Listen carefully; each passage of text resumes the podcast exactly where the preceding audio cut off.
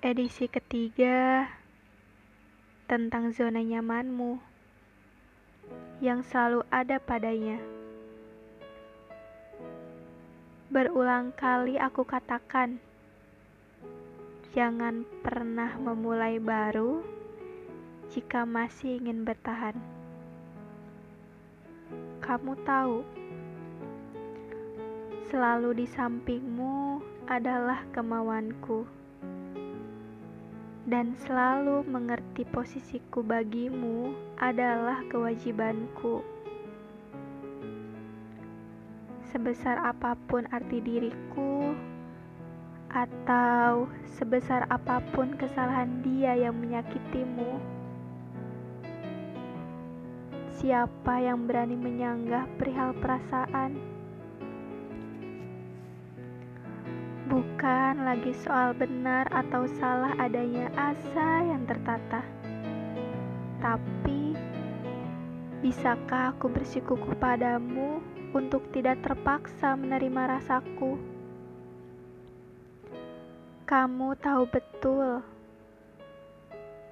menyeka air matamu adalah tugas yang disengaja olehku, dan aku tahu betul setelah air mata itu hilang, kembali melihatmu dengannya tak dapat terhindarkan. Semesta sebenarnya berulang kali mengingatkanku. Peduli sekali dengan keadaan hati yang sudah terbiasa menahan rasa sakit. Sedalam itu, sukmaku enggan untuk menyerahkanmu. Bahkan hingga saat ini, ketika waktu berhasil membawamu untukku, ketika Tuhan baik sekali menyadarkanmu tentang bagaimana Ia seburuk itu memperlakukanmu, kamu tetap sama Ragamu melekat erat dalam zona nyaman yang terkadang berusaha kamu sanggah ketika aku tanyakan.